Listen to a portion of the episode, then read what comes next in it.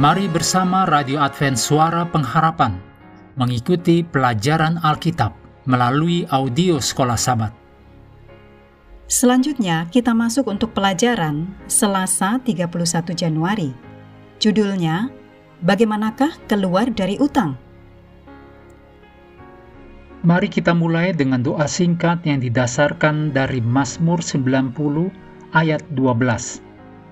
Ajarlah kami menghitung hari-hari kami sedemikian, sehingga kami beroleh hati yang bijaksana. Amin.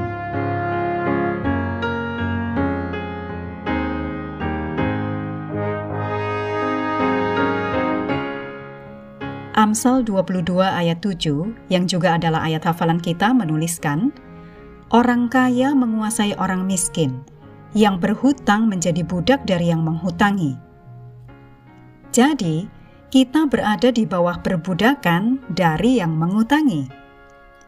Apa yang dapat dilakukan untuk membebaskan diri dari fenomena tidak menguntungkan ini? Jika Anda berutang, garis besar berikut ini akan menolong Anda memulai proses penghapusan utang. Perencanaannya sederhana, terdiri atas satu landasan dan tiga langkah.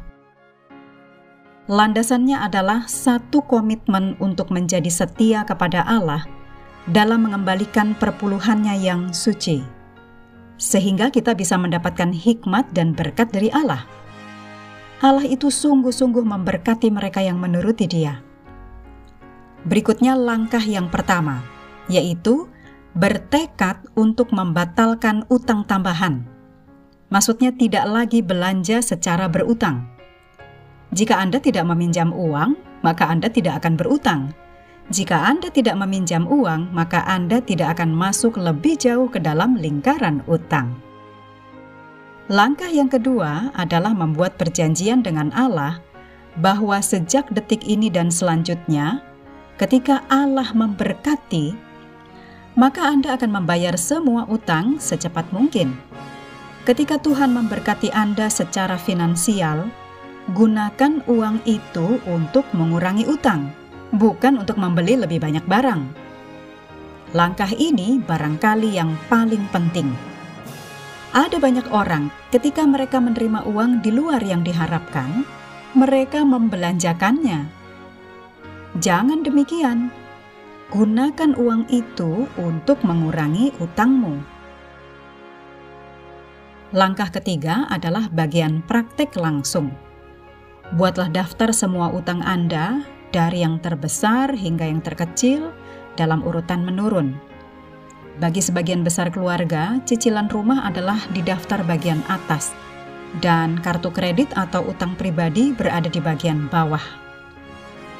Mulailah dengan melakukannya setidaknya pembayaran minimum yang jatuh tempo pada masing-masing utang Anda setiap bulan.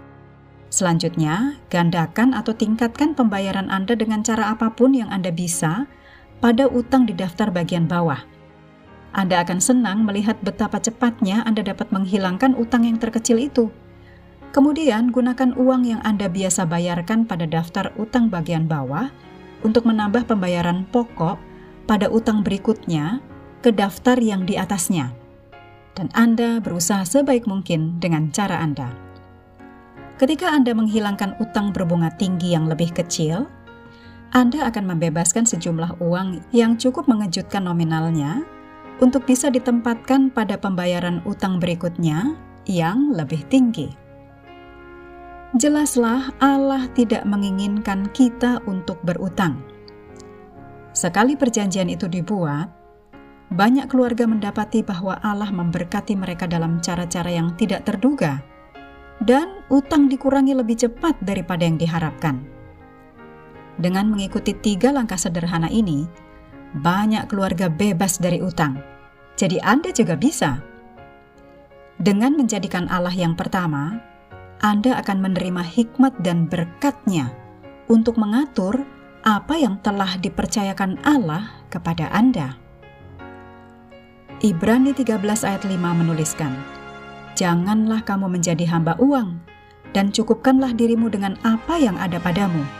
Karena Allah telah berfirman, Aku sekali-kali tidak akan membiarkan engkau, dan aku sekali-kali tidak akan meninggalkan engkau.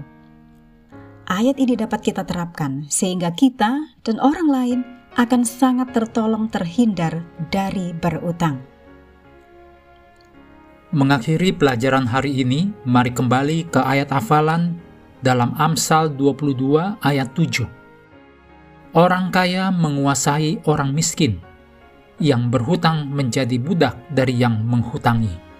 Kami terus mendorong Anda untuk mengambil waktu bersekutu dengan Tuhan setiap hari, bersama dengan seluruh anggota keluarga, baik melalui renungan harian, pelajaran sekolah sahabat, juga bacaan Alkitab sedunia percayalah kepada nabi-nabinya, yang untuk hari ini melanjutkan dari 2 Tawarif pasal 16. Tuhan memberkati kita semua.